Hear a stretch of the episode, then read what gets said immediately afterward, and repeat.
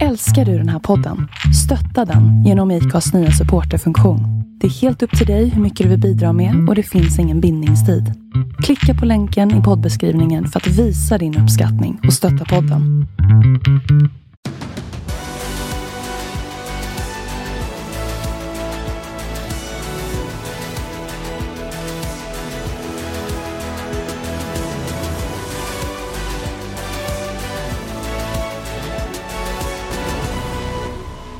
Välkomna till ett nytt avsnitt av MotoGP-podden. Idag med mig Andreas Mårtensson och med Tobias Lajon. Hur är läget?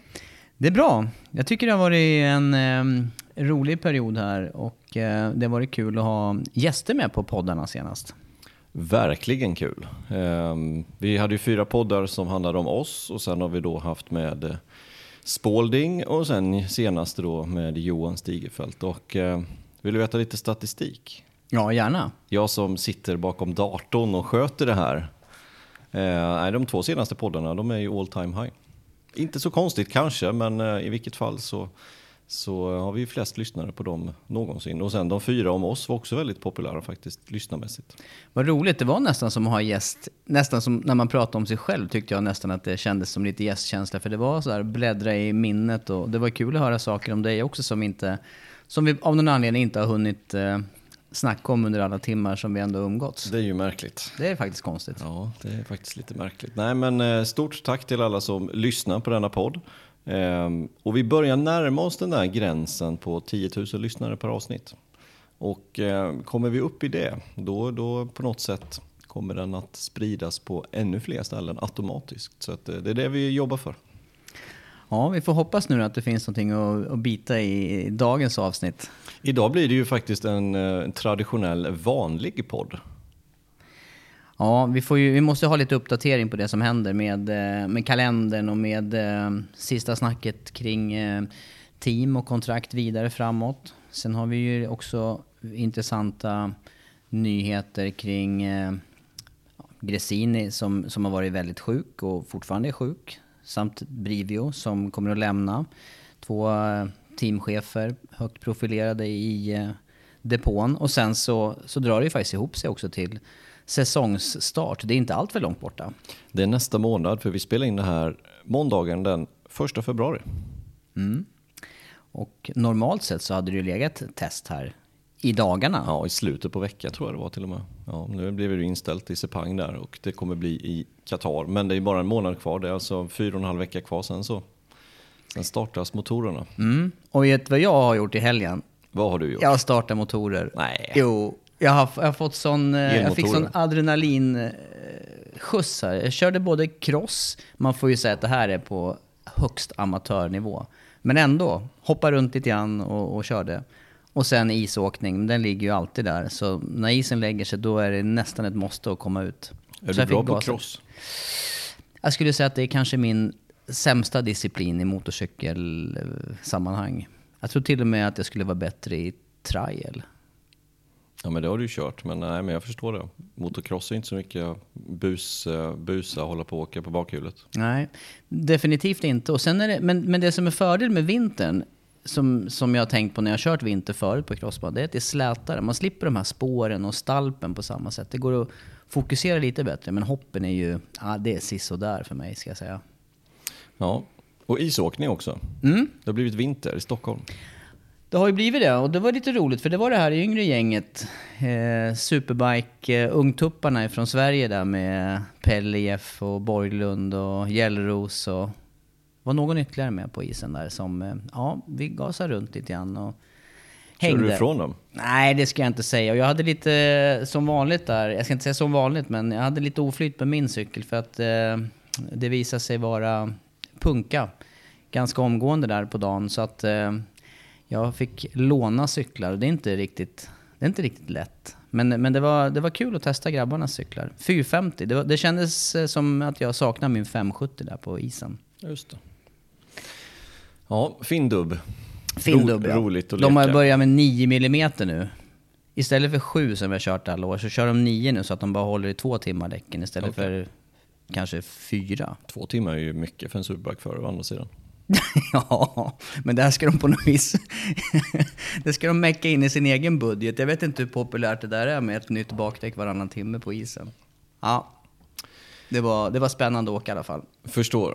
Ska vi börja våran podd? Vad ska vi börja med? Jag tycker vi börjar med kalendern. Det har ju blivit lite förändringar där. Och eh, säsongspremiären som vi snackade om här, då, det är eh, i Qatar.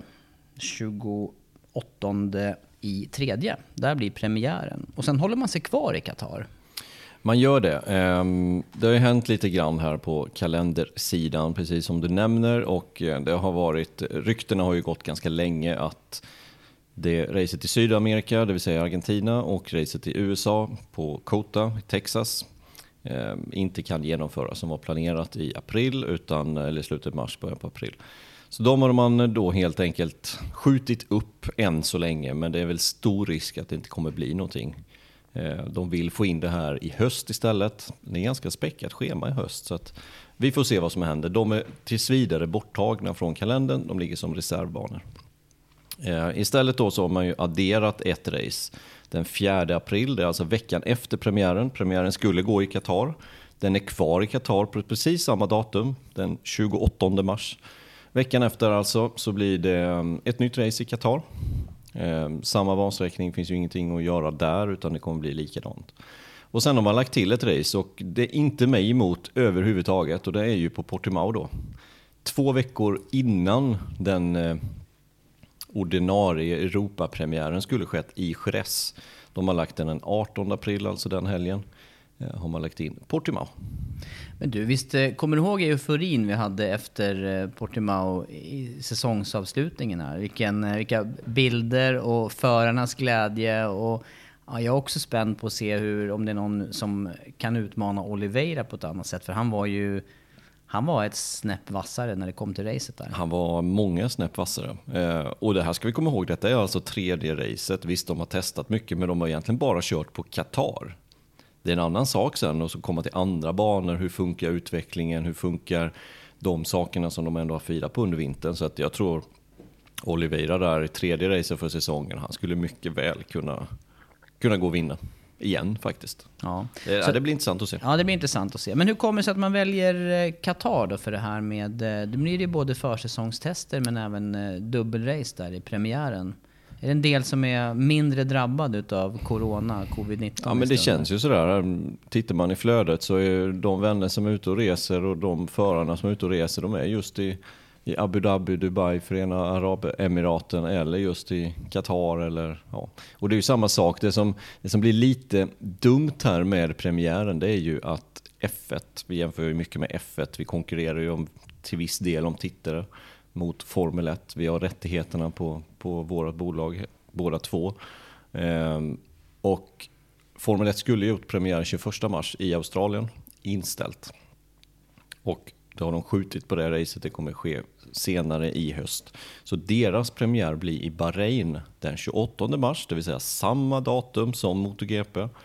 Eh, och i Bahrain då som sagt för Formel 1, Qatar för MotoGP, det är ju tre stenkast där i Persiska viken så är man ju framme i Bahrain från Qatar. Så det blir ju inte riktigt super. Eh, Tv-mässigt så lokal tid så kommer Bahrain Formel 1 gå klockan 18.00 och MotoGP 20.00. Så det kommer skilja där ja, direkt efter målgång egentligen för Formel 1 så kommer det vara MotoGP.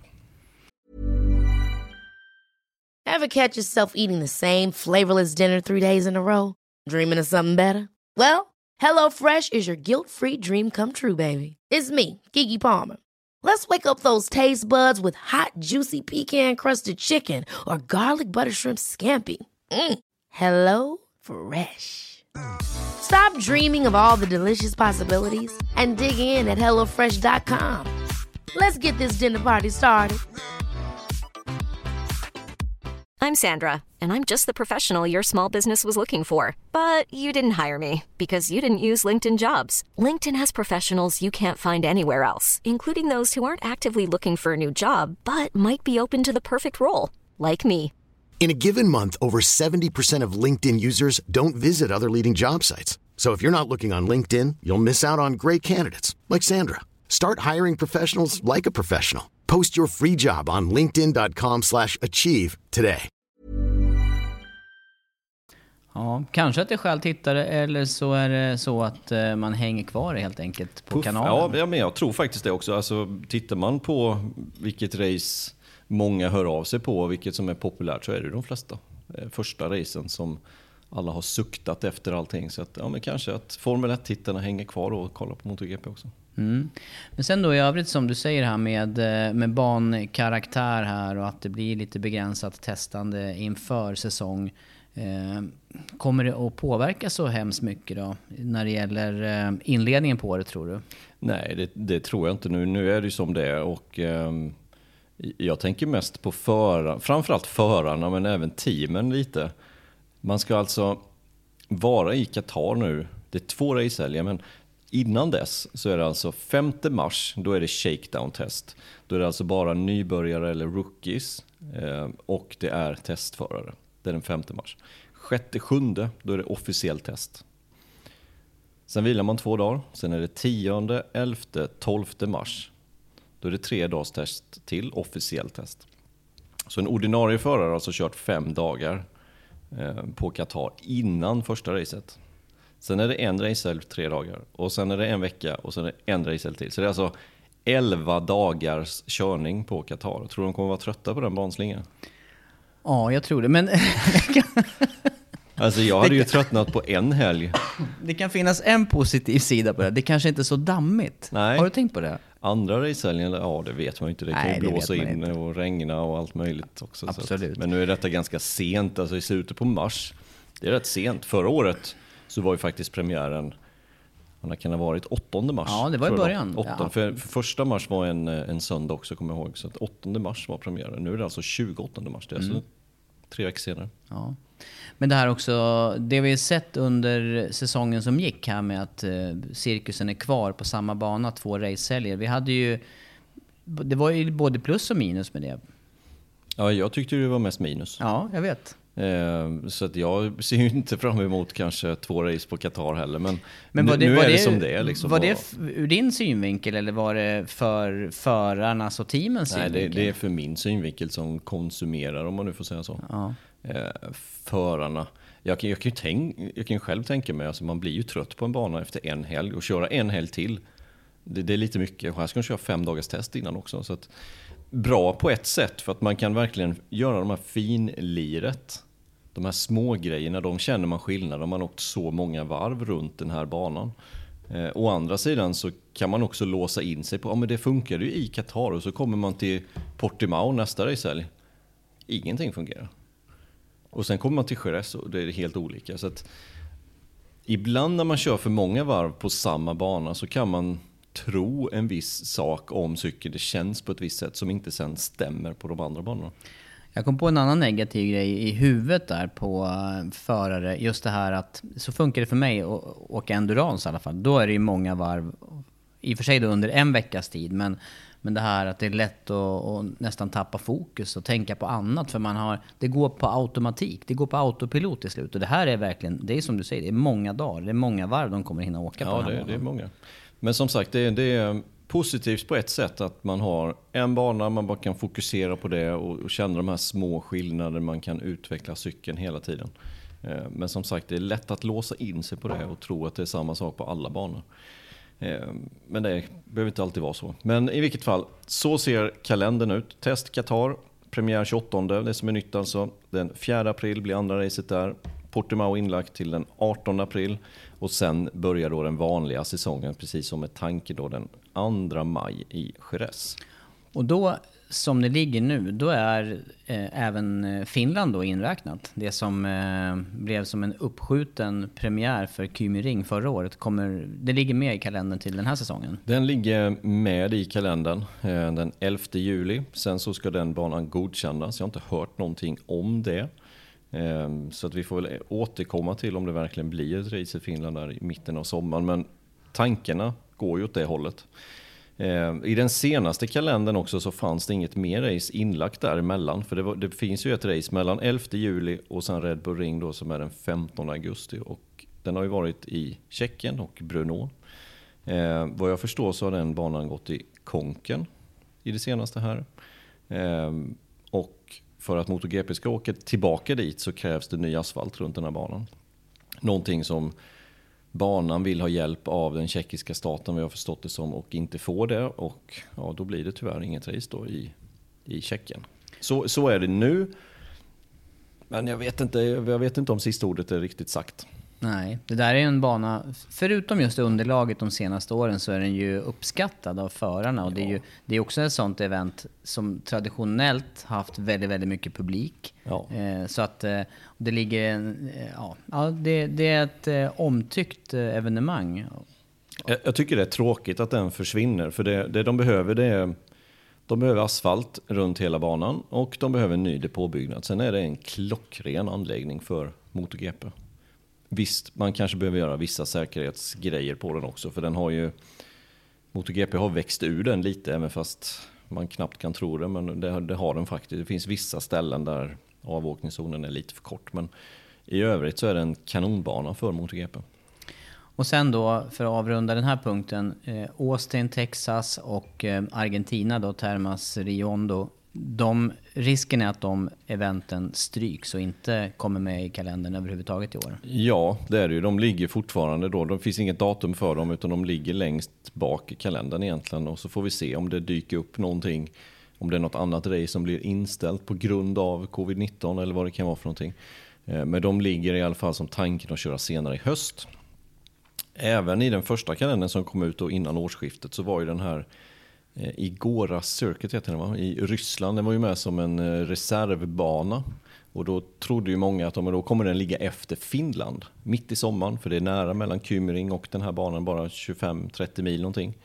Eh, men den är nu borttagen från reservlistan också, så det verkar inte bli någonting i Ryssland. Inte i alla fall om man kan tyda senaste kalendern. Utan den enda banan som ligger nu som reserv, det är ju indonesiska banan där i Mandalika.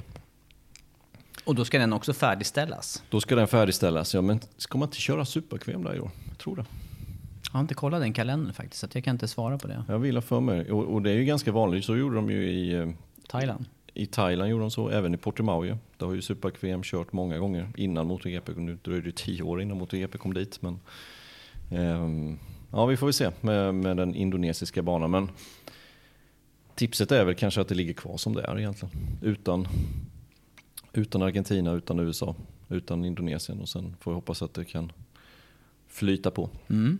Ja, det händer ju grejer med eh, vaccin och eh, utgiv, eh, vad heter det? fördelningen av vaccinationer också. Men det är ju högst olika i olika delar av världen och olika länder. Ja, det kan man säga. Det kan man säga, ja. för, att, för att hålla det kort. Ja. ja, det tar vi inte mer om här. Nej, vi gör inte det. Vi ska inte bli någon vaccinationssamordnare också. Nu har vi varit asfaltläggare och doktorer och allt möjligt. Det vi kan konstatera, för att gå in på nästa punkt, det är ju att eh, eh i det här så i det här covid-19 och i spåren av det så har man ju kommit fram till en ganska klok sak gällande reglementet. Och det är ju att frysa utvecklingen här nu och försöka att eh, stanna kvar i det som är. Och jag vet också att man pratar i lite längre tidsperspektiv, upp mot fem år, att ha med eh, liknande reglement och även att man knyter de team till sig som, som, är, på, som är i cirkusen redan. Och det har hänt lite grann de senaste dagarna, veckorna.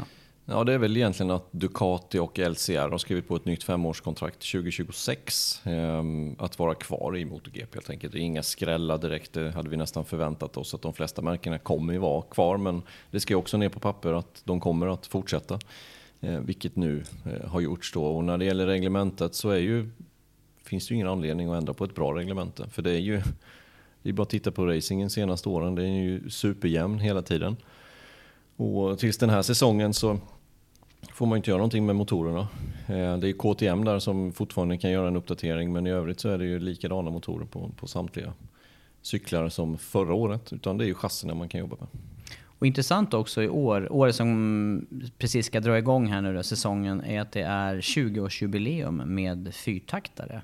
Och, eh, det var minns... några som kände sig gamla när man sa det. ja, jag kände mig lite gammal. För jag var ju på plats de där, just det året när fyrtaktarna kom in, då körde jag BMW Boxer Cup och då var vi på plats på ett antal MotoGP-banor under samma helg. Eh, Så det var ju fantastiskt att uppleva det där från start. Och då blandar man ju startfälten där med tvåtaktare och fyrtaktare. Och var man tveksam innan säsongen hur det skulle gå, vilka som skulle kunna rå på 500 så var det ju inget snack där när, när Honda och Rossi liksom dominerade. Men det var, ja att det är 20 år sedan, det vill man ju nästan, då vill man nästan dra ner rullgardinen. Ja, tiden går. Ja. Men jag håller med dig där. Eh, Just att eh, vi ser jämnheten i race, liten tidsdifferens, det ser vi både på kval, vi ser också de här topp 15-tiderna eh, över race-distanser. Allt, de flesta, för att inte säga alla, reglementsändringar som har gjorts under den här perioden har ju lett fram till den här jämnheten. Ja, MotoGP var ju lite illa ute slutet på 00-talet. Sen kom CRT och sen det här reglementet och, och sen ändrades det ytterligare en gång då för fem år sedan och nu har det ju blivit en succé så det finns ju ingen anledning egentligen att göra stora reglementsförändringar. Jag tycker det är bra som det är. Det är, det är små saker kanske, som, men det, så, så är det väl i alla regler att man vill twista till någonting lite grann kanske. Men det är bra. Ja men styrkeförhållandet var ju nästan att det höll ju på att tippa över till superbike istället. Eh, racemässigt och eh, publikmässigt också. Och eh, ja, känns som att pendeln har svängt där och Pendeln har svängt tillbaka. ja, den har svängt tillbaka Verkligen. igen, till fördel för MotoGP där. Men nu har ju dessutom Superbike också under samma, under Dorna. Så att det är ju... Eh, förhoppningen är att man bygger upp den serien och det mästerskapet också. Och inte konkurrera på det sättet utan hjälpa varandra istället. Men det här då att man, eh, vad, vad finns det för övriga fördelar ser du då med att ha också klart med team som eh, med långa kontrakt och så? Vad, är, det, är det mer plus än minus där om man tänker på att det stänger dörren för andra också, andra aktörer att komma in? Ja, nej men jag tycker ändå det är bra att de gör klart. Och, och um, Ducati gjorde klart, LCR har gjort klart. Och det är väl inte så konstigt heller att man vill på något sätt redogöra för sina planer. För, för det är ju mycket som de behöver ha in också. Nu tänker jag på mer privatteam i LCR till exempel. Ehm, även Gresini har ju faktiskt också gått ut och sagt att man ska vara ett satellitteam till nästkommande säsong. Och det gjorde man ganska tidigt för att få mer valmöjligheter. Låser man in sig hos Aprilia som de har gjort nu föregående år, ja men då, då kan de ju inte ta in något annat märke heller. Nej. Nej, men så framåt 2026 då så ser det ut som att mycket är eh, eh lika som nu. Ja, det, det som är spännande med just den här diskussionen det är ju vad kommer Petronas göra? Vi, vi kände lite på Johan där förra veckan i, i den podden när vi försökte att vaska fram någonting. Han sa att han ville fortsätta med Yamaha. Eh, men kommer de göra det? Kommer Suzuki ha ett satellitteam? Eh, vilka, vilken aktör tar de cyklarna? Gresini vet vi är på, men Rossi kommer också in här nu i, i MotoGP. En cykel den här säsongen, troligtvis två cyklar till nästkommande säsong när han kommit över båda Vintia-platserna eller Esponsorama-teamet. Vilket märke ska de köra? Kopplingen Yamaha-Rossi, den är ju stark. Vad kommer då Petronas göra om de blir av med Yamaha? Det, det, det tycker jag är riktigt, riktigt spännande för det, det är ju toppmaterial. Rätt förare i det satellitteamet, i vilket det nu kan vara, kan ju vinna mästerskapet. Du tänker både med Yamaha eller med, Med Suzuki. Eh, Suzuki? Ja, Ah, det, ja. Det, alltså satellitförarna i de teamen som, som de kommer köra kan ju vinna mästerskapet. Kolla på, på Morbidelli, han blev två. Var det 13 poäng som skilde? Ja men det är också en eh, sidoeffekt av det här jämna reglementet som är att det också, det finns inga, det finns inga dåliga cyklar och det är ännu tydligare en sån här säsong nu då som står för dörren när, när man inte har fått göra någonting mot förra året. Det är som du säger, det är lite förändringar för KTMs del och kommer ju vara öppet för den som, för den som kan ta chansen så, så skulle det, det skulle inte vara otroligt att det skulle kunna vara en satellitteamsförare som går hela vägen. Absolut inte. Eh, och, och tittar vi just på spå lite vad som hände i år, kolla på Yamaha och deras, vad, vad var deras problem förra året? Ja men det var ju ventilerna till att börja med, det är ju ett icke-problem, det kommer de ju ha löst till den här säsongen. Och sen hade de lite chassiproblem, men de vann hälften av racen. Får de ordning på det på fabrikscykeln och kunna då jämföra data med Morbidelli cykel. Vad var det som funkade på den? Vad var det som inte funkade på fabriken? Och göra någonting tillsammans. Ja, då, då ser ju Yamaha ut att vara ett väldigt starkt paket. Mm. Ja, och sen som du säger där, om, om Suzuki dessutom ökar på antalet cyklar så i, i min värld så skulle det betyda ökade möjligheter också att utveckla cykeln och komma, eh, ja, få ett ännu bredare perspektiv eller kanske en eh, spetsigare topp där någon kan lyckas ännu lite bättre. Än att vinna mästerskapet. Och bli Men det, det blev svårare. Jag hörde det när jag sa den. Ja, ett Ja. och tre. Mm, starkt. Stark väldigt- säsong. ja, väldigt det, starkt. det är svårslaget. Ja, det är det. Det, är, det går inte att få det mycket bättre. Nej. Planning for your next trip? Elevate your travel style with Quince. Quince has all the jet setting essentials you'll want for your next getaway, like European linen, premium luggage options, buttery soft Italian leather bags, and so much more. And it's all priced at 50 to 80% less than similar brands. Plus, Quince only works with factories that use safe and ethical manufacturing practices. Pack your bags with high-quality essentials you'll be wearing for vacations to come with Quince. Go to quince.com slash trip for free shipping and 365-day returns. Hi, I'm Daniel, founder of Pretty Litter. Cats and cat owners deserve better than any old fashioned litter. That's why I teamed up with scientists and veterinarians to create Pretty Litter. Its innovative crystal formula has superior odor control and weighs up to 80% less than clay litter. Pretty Litter even monitors health by changing colors to help detect early signs of potential illness. It's the world's smartest kitty litter. Go to prettylitter.com and use code ACAST for 20% off your first order and a free cat toy. Terms and conditions apply. See site for details. Hey there, it's Michelle Norris. I'm host of a podcast called Your Mama's Kitchen. When I travel, I'm usually looking for a way to find a taste of home when I'm not at home. And one of the things I love to do when I am at home is entertain. And Airbnb allows me to do that. When I was in California recently, I rented a house that had a great kitchen. And when we were sitting around the table, we we're all thinking, we're in someone else's house. Someone could be in all of our homes as well. If you have a home, but you're not always at home, you have an Airbnb. Your home might be worth more than you think. Find out how much at airbnb.com/slash host.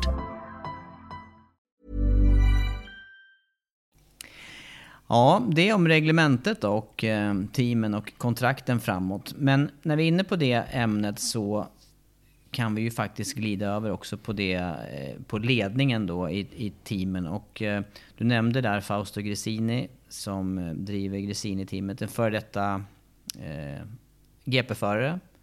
Två VM-titlar tror jag, i 125. Och eh, han har ju varit riktigt illa däran just i, i covid-19 här under en längre period nu. Väldigt lång period. Eh, lades in på sjukhus den 27 december. Kom till en specialistklinik för just covid-19 i Italien i Bologna den 30 december. Och sen dess har det ju varit på en skör tråd alltså, hela januari. Nu verkar det ändå som att det är lite mer stabilt. Han andas fortfarande inte själv utan behöver någon typ av hjälp, någon maskin till hjälp. Men det har varit riktigt illa under månaden som har gått. Ja, man blir påmind här nu då. Eh, återigen, jag tycker att det. Eh, I övrigt i samhället, jag stöter på ganska många personer som är eh, både smittade, har haft, eh, ja men som har varit sjuka i, i covid-19 och det, det generella annars är att det har varit eh, man klarar sig bättre nu än, eh, än de jag stött på under våren. Men ja, det är ju högst, högst individuellt får vi säga. Ja, det. Sen vet ju inte vi vilka bakomliggande riskfaktorer som just eh, Gresini kan ha haft. Det har jag dålig koll på. Men jag, jag läste något uttalande från hans son och han pratade om sin far som kärnfrisk. Ja, Kan ju vara subjektivt. Det kan det vara. Ehm, nej, men det, det, som tur är så verkar det ändå som att det är lite mer stabilt som sagt. Och förhoppningsvis så kommer han ur det här. Men man vet ju inte vilka långvariga effekter det får heller. Ehm, han är dock en väldigt viktig person i det teamet han driver i och med att det är ett privat team. Ja, ja, det är också någonting som slår mig här. Hur, hur, viktiga är just en, hur viktig är just en person i det här läget? Eller finns strukturen där ändå för att driva det här vidare? Strukturen finns garanterat, men fortfarande är det ju sådär när man är i ett satellitteam, det är ju han som driver det här teamet. Eh, han har tre klasser dessutom. Alla tre klasserna plus Moto E. Det är klart att om inte han orkar vara på något race i sommar och inte orkar driva vidare det här, då känns det ju som att då hänger du på en skör tråd. Det gör det. Och då kan ju det påverka också eh, framtiden, framtiden ja, för det teamet. Nu har han ju gått ut med och sagt att de inte, de inte vill binda upp sig vid Aprilia till exempel. Ja, det där det ska ju vara förhandlingar som går vidare. Så att förhoppningsvis så blir det bättre för honom att han kan komma tillbaka och att driva vidare teamet. I år är det ju, kommer det ju säkert flyta på precis som vanligt. Men vad som händer till nästa år om det skulle vara riktigt illa här, det vet man ju inte. Nej. Och i samma, i samma typ av fråga men med en helt annan anledning. Davide Brivio där, vi var inne på Suzuki. Han kommer ju lämna rollen som teamchef för Suzuki och det gör han ju såklart med flaggan i topp för egen del. Men, men också lite skakigt läge. Vad händer framåt för Suzukis del då? Vad, vad lämnar han för övrigt till? Nej, jag, jag var med i Formel 1-podden här för några veckor sedan just när det här tillkännagavs. Vi pratade lite runt det här med Janne Blomqvist och Erik Stenborg. Och det var som jag sa till dem, jag, jag trodde att det här var ett aprilskämt när jag läste det första gången på Twitter. Alltså, för jag vet att deras första april, den här skojadagen som vi har, åtminstone i Sverige, säkert på många andra ställen i Europa också. Men jag vet att i, i Spanien så har jag för mig att den ligger precis innan nyår. Och det här var kanske inte just i den perioden, men det, var, det fick mig att tänka, är det någon som försöker driva mig nu? Driva med mig nu här nu liksom. Men det var ju inte så. Han ska alltså lämna Suzuki, har lämnat Suzuki. Och det, det var kanske den sista personen som jag trodde skulle lämna den rollen faktiskt. Mm. Ja, modigt beslut och, och ja, kan man ju bara spekulera i vad, vad anledningen är med nya utmaningar eller han har drivit det här, han har ju på något vis byggt upp Suzuki den här senaste satsningen nu från grunden. Det är det vi har snackat om här nu under ett par år. Ja, ska vi, så vi börjar med att säga var han går någonstans. Han går alltså till Alpin, eh, Formel 1-team. Eh, det var ju Renault förra året, nu ska de då branda om sig och kallas för Alpin istället. Han går in där som eh, en ny då racing director. Eh, vad det innebär eh, vet inte jag riktigt, men eh, någon typ av ansvar under racehelgerna verkar det som. Ehm, och det enda anledningen, så, eller en av de stora anledningarna jag kan tänka mig att han lämnade Suzuki nu, det är att de kom med en stor påse pengar. Jag, jag, jag, ser knappt någon annan anledning. Alltså just, det är klart att man kan ha det som personlig utveckling och, och sådär, men, men fortfarande så samma betalt som hos Suzuki, då tror jag inte han hade lämnat MotoGP. För han är en MotoGP-människa. Ja, och har varit länge också. Ja, men, men som sagt, kan man på något sätt liksom trygga sin egen framtid och kanske sina barns framtid genom att, att jobba där i x antal år. Vad nu kontraktet är på, det vet vi inte, men då hade man ju tagit det också såklart. Man får ju passa på när man ja. har ett bra CV. Ja exakt, det har han verkligen haft och byggt ihop här nu med, Smiden med kronan. Ja, järnet är varmt. Precis, och kronan på verket här med MotoGP-titeln med Mir och med, med Rins. Så där blir det ju intressant fortsättningen. För ja. vi vet att det gnisslar lite dem emellan. Kanske är Brivio den här, eller har varit då, den här lilla utjämnaren dem emellan. För att, ja. Ja, nej men jag, jag håller faktiskt med om det. Ehm, så vi tar lite vad Brivio, vad han har gjort för någonting, var han kom ifrån. Han, han började sin karriär som, eh, eller om man går in i teammanager-rollen, så började han hos, i Super hos Yamaha.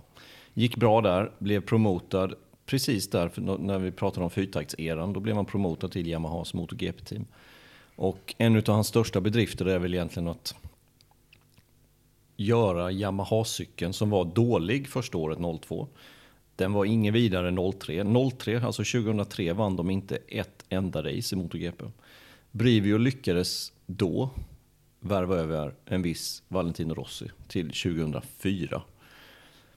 Välja rätt väg också med cykeln och göra cykeln bättre till den säsongen, till 2004 när Rossi kom. Och resten historia tänkte jag säga, men Rossi vann ju första racet på 2004 års säsong i Sydafrika på Welcome Circuit där. Eh, sista varvet duell med Max Biaggi.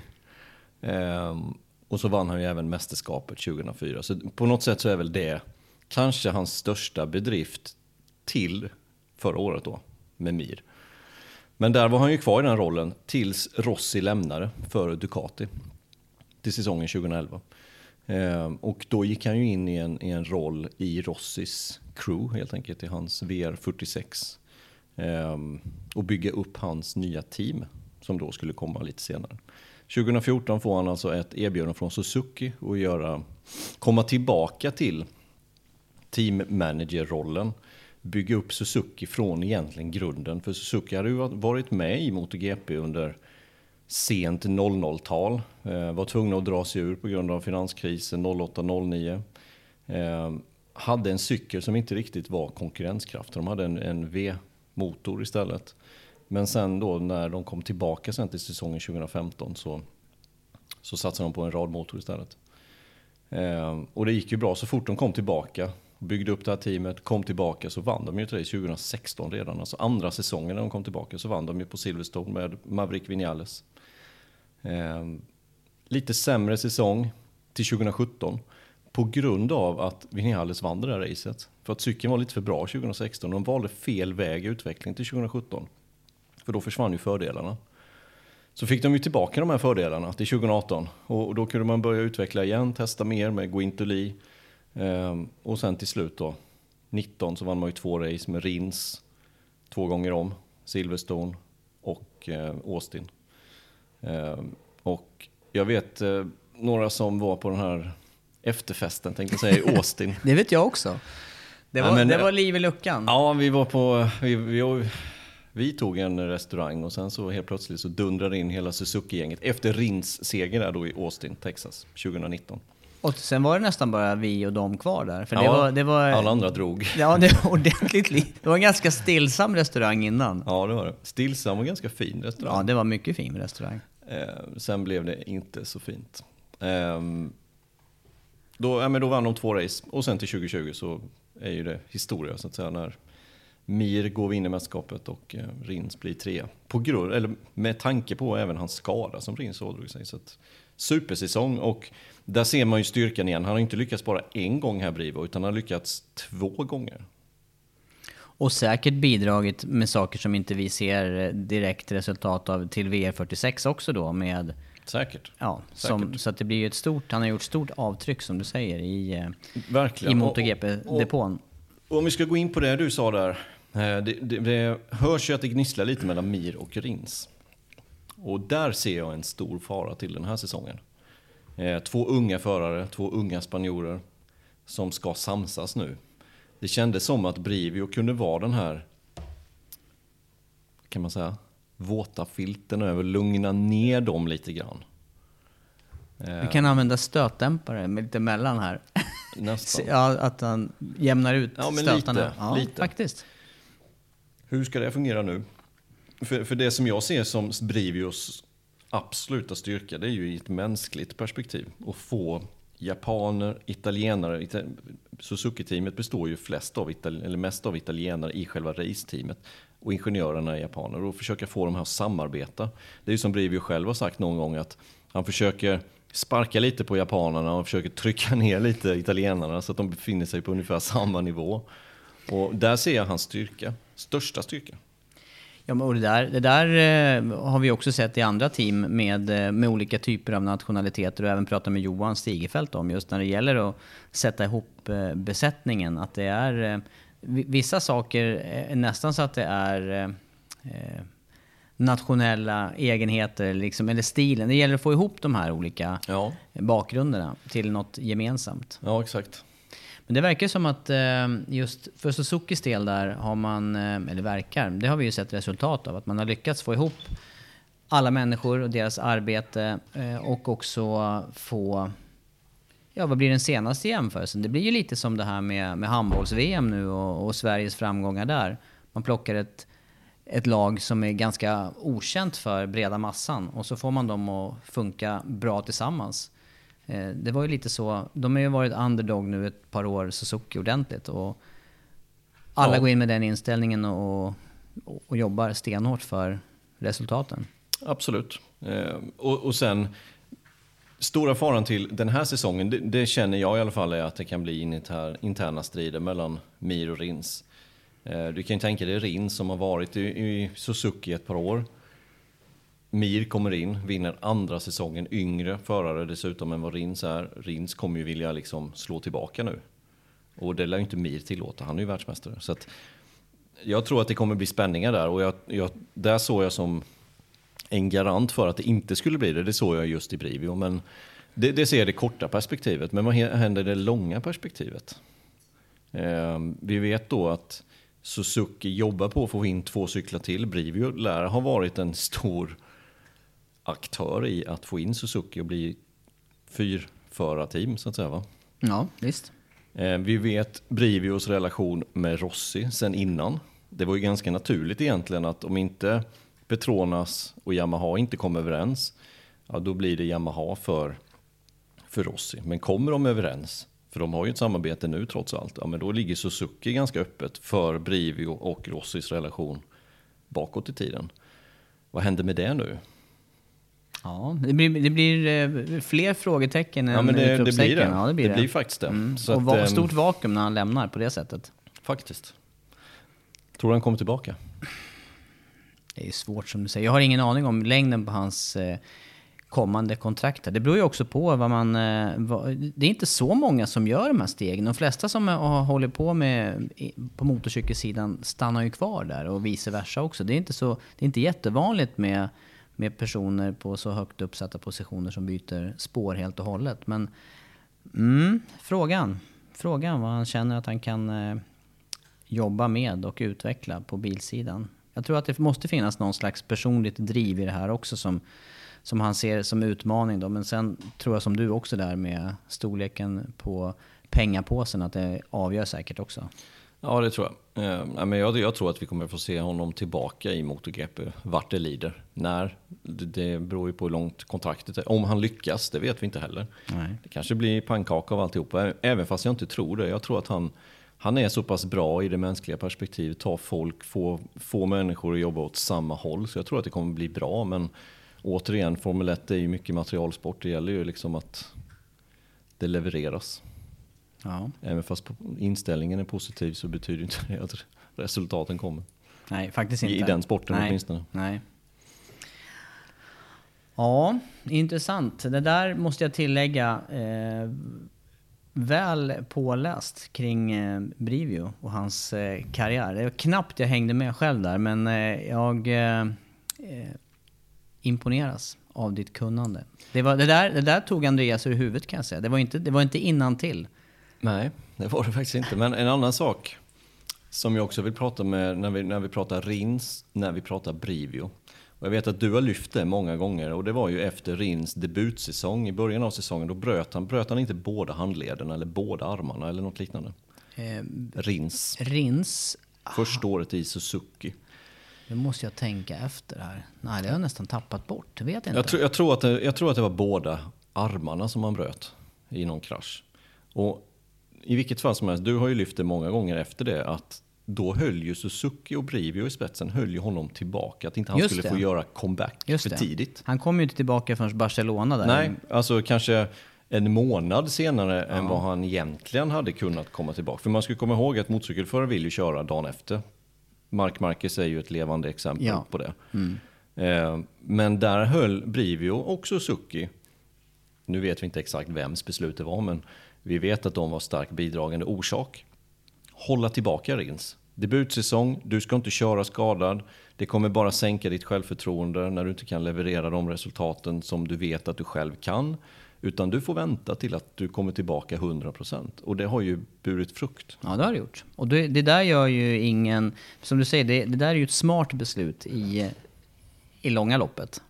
I långa loppet för just en rookie också. Sen säger inte jag att Puig skulle gjort samma sak i Honda för Marcus. Det, det är en helt annan diskussion som vi redan har haft i avsnitt 90. Om det är någon som... Vet du vilket avsnitt vi är på förresten? Det här, nu, idag? Ja. Nu blir det väldigt spretigt Nej, det, det här vet jag inte. Detta är avsnitt 98. Det är snart jubileum då. Det är det jag säger. Vi måste hitta på någonting Ja, det här. måste vi göra. Om två avsnitt måste vi ha någon jubileumsutgåva. Wow. Du ser ju vad som ligger i kartongen här. Ja, jag ser. Det är bra att du har eh, lagt beslag på viktig litteratur. Ja. Viktig litteratur. Vi säger inte mer än så då. Nej. Men du, vi måste avrunda det här också. Ehm, och eh, jag skulle faktiskt vilja komma in på en punkt till här innan vi, innan vi släpper veckans avsnitt. Och det är då, apropå skador, du nämner Marcus här nu. Han opererades i början på december. Är det inte fortsatt ganska tyst om honom egentligen? Jo, det är det. Eh, tredje operationen skedde den 3 december. Eh, efter det så har det egentligen senaste veckorna så har det varit några Instagram-inlägg ifrån Marcus. Han, han cyklar, han, eh, i alla fall på träningscykel. Tycker man ser lite mer uppdateringar ifrån just Mark Marcus och hans Instagram, hans sociala medier där han visar upp sig åtminstone. Eh, men precis som vi förutspådde där i avsnitt 90, tror jag det var när vi pratade Marcus, så tror jag att det här kommer dröja fortfarande innan vi får reda på någonting. Nu har det gått två månader snart. Det börjar nog bli dags att berätta hur det verkligen går, om infektionen har gett sig. För vi vet att han tog ju antibiotika mot den här infektionen i benet.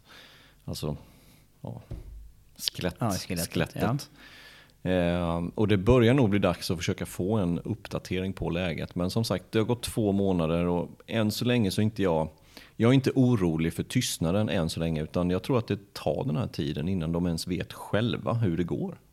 Ja precis, det måste ju ta någon riktning det här läkandet och se vad... vad eh, ja, men det är, det är ju kritiskt. Det börjar bli kritiskt, i alla fall i mitt huvud. Och, Ja, men jag, jag räknar inte med Marquez som första racen heller. Ehm, kanske till Jerez, någonstans där, börjar maj. Då har han alltså tre månader till prick på sig idag. Eh, ja, kanske då. Då har det gått fem månader från operationen. Eh, det, det skulle kanske, kanske att det skulle gå. ja, då vet vi vad vi eh, snackade om där för länge sedan när, eh, när kraschen kom i eh, premiären på just Jerez och eh, när Marcus skadade sig och hur snabbt han var tillbaka i sadeln och vi diskuterade fram och tillbaka där. Men den här, den här skadan har ju visat sig vara en av de mer långdragna skadorna man har sett i, i toppen av det här mästerskapet. Ja, det blev ju konsekvensen helt enkelt eh, av att göra så. Men jag tycker också det, det börjar sippra ut mer att precis som vi var inne på redan från början att, att de är inte nöjda med läkarna som, som initialt gjorde den här reparationen och som tillät honom att köra så pass nära inpå. Han har själv sagt i en intervju nu, vilket han inte hade när vi gick igenom det här i podden, att han har själv sagt att hade läkarna sagt att det här kan gå sönder, då hade jag inte kört. Jag, jag tror fortfarande, eller jag tycker fortfarande att mycket av ansvaret det ligger på de ansvariga läkarna här. I det här debaclet som det har blivit. Ja, för det, så resonerar man ju. Det vet vi ju sen tidigare och sen, sen aktiva. Om, om någon säger då att det här ska hålla och att det i så fall går sönder någon annanstans om man kraschar till exempel. Då är det ju då är det, det man går på, den informationen. Då kör man. Ja, då kör man om det går att över, och gå, gå över smärttröskeln i det fallet. Men vem ska, vem, vem eh, kommer ta hans plats då i en, eh, dels då eh, test och eh, säsongspremiär. Testdagar och säsongspremiär. Vi har ju Bradel som har ersatt honom under hela säsongen egentligen, men också haft dubbla roller och också kört som testförare. Ja, eh, och det du fiskar efter är givetvis eh, Andrea Dovizioso. Dovizioso som har gått ut genom sin manager Simone Battistella och sagt då att Dovi är bättre tränad än ever och att han, ja, han, han är redo om Honda ringer. Jag tror inte Honda har ringt för att de vet inte riktigt själva. Hur lång tid är Marcus borta? Eh, och vi var inne på det här i föregående poddar också. Jag står fast fortfarande vid den analysen att blir han borta hela säsongen, om det nu skulle vara att det här funkar inte, infektionen, det krävs en fjärde operation och det ena med det tredje. Han kommer vara borta hela 2021. Då tror jag att då är en ersättare aktuell. Så länge det bara handlar om två, tre månader till, alltså till maj, juni, då, då tror jag fortfarande att Bradel kommer få ersätta. För de har ju fått nej att åka med tre cyklar Honda. Men det som eh, talar för Bradel tycker jag också är hans eh, säsongsavslutning och Ja. hur han på något vis, han har ju jobbat sig in i eh, racefart också, för det blir Ja. ju någonting annat att testa och mot att köra racehelger och där har han ju stadigt, jag tycker han har gjort, han gjorde en bra fjolårssäsong Ja, men det gjorde han. Blev han sjua sista racet, sex eller sjua. Ehm, och Santi Hernandez har ju också gått ut, han är alltså crewchief för Marc Marquez, det vill säga den, den som har hand om Bradel helt enkelt då när Bradel har ersatt. Och eh, Santi tycker ju också att det finns ingen anledning att ta in Dovi som inte känner till cykeln utan det är bättre att fortsätta med Bradel.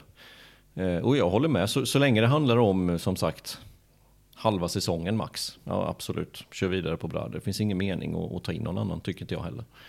Eh, och sen så hörde vi ju när vi pratade med Neil här för ett par veckor sedan att Neil Spalding, han trodde ju inte på Dovizioso efter ja, han hade ju sitt kontrakt då efter säsongen 2010. Dovizioso körde han Honda. Att eh, gör du ett visst resultat då ska du få köra i MotoGP-teamet, alltså i fabriksteamet Repsol Honda till 2011. Ehm, och det var ju det året som Stoner kom in också. Då fick de köra med tre förare. Det får man ju nu inte längre. Det har de ändrat i reglementet. Och där ville ju Honda helt enkelt placera Dovi hos LCR istället. Men det gick inte Dovi med på för att han hade, han hade sitt kontrakt. Och det var som, som Spalding uttryckte det att eh, Dovi och, och Battistella hade ju rätt i det. Men det är Honda man har att göra med. Kanske sitter kvar som en Jag tror det också. Jag tror att det ligger mycket där. i det. Mm. Jag tror att det mycket, ligger mycket. För vad hände sen efter säsongen 2011 med Dovi och hans Honda-karriär? Han fick lämna. Mm. Ja, det är värt att ta med i, i beräkningen där. På, och ännu en grej då när det, när det handlar om att ta beslut i det långa loppet. Det Ja. som är bra i det långa loppet. Ja men det är ju det. Ehm, till exempel Vinales tror jag aldrig mer kommer åka en Honda till exempel. Efter vad han gjorde i sin tidiga Moto 3-karriär. När han, Han lämnade Malaysia. han lämnade. Malaysia, han tog sitt pick och pack och drog helt enkelt. Ehm, det går inte bara förbi hos Honda det där. Vinales och Honda tror jag är No, no. No. Mm. Ja. Så att jag är också tveksam på grund av det till, eh, till Dovi och Honda. Men som sagt, skulle, skulle Marcus vara borta hela säsongen, ja, men då kanske det blir aktuellt. Men vi får se. Vi vet, vi vet ju inte mer än vad vi själva kan räkna ut. Nej.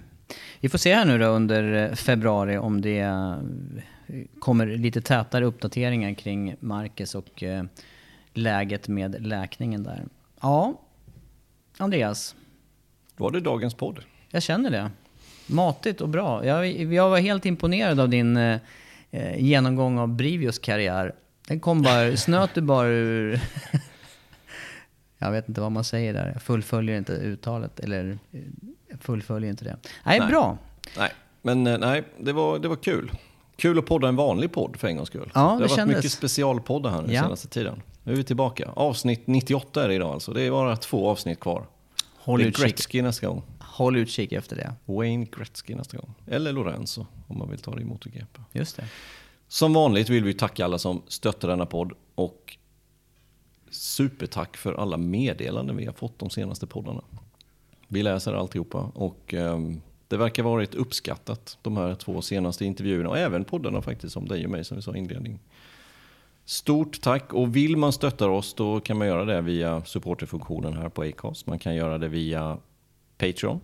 Patreon.com snedstreck MotoGP-podden, tror jag det Ja. Och så ser vi till att försöka uppnå vårt mål här med 10 000 lyssnare då. Snyggt Andreas. Eller? Ja, ja, ja, absolut. Tack för idag säger jag också. Ja, tack för idag.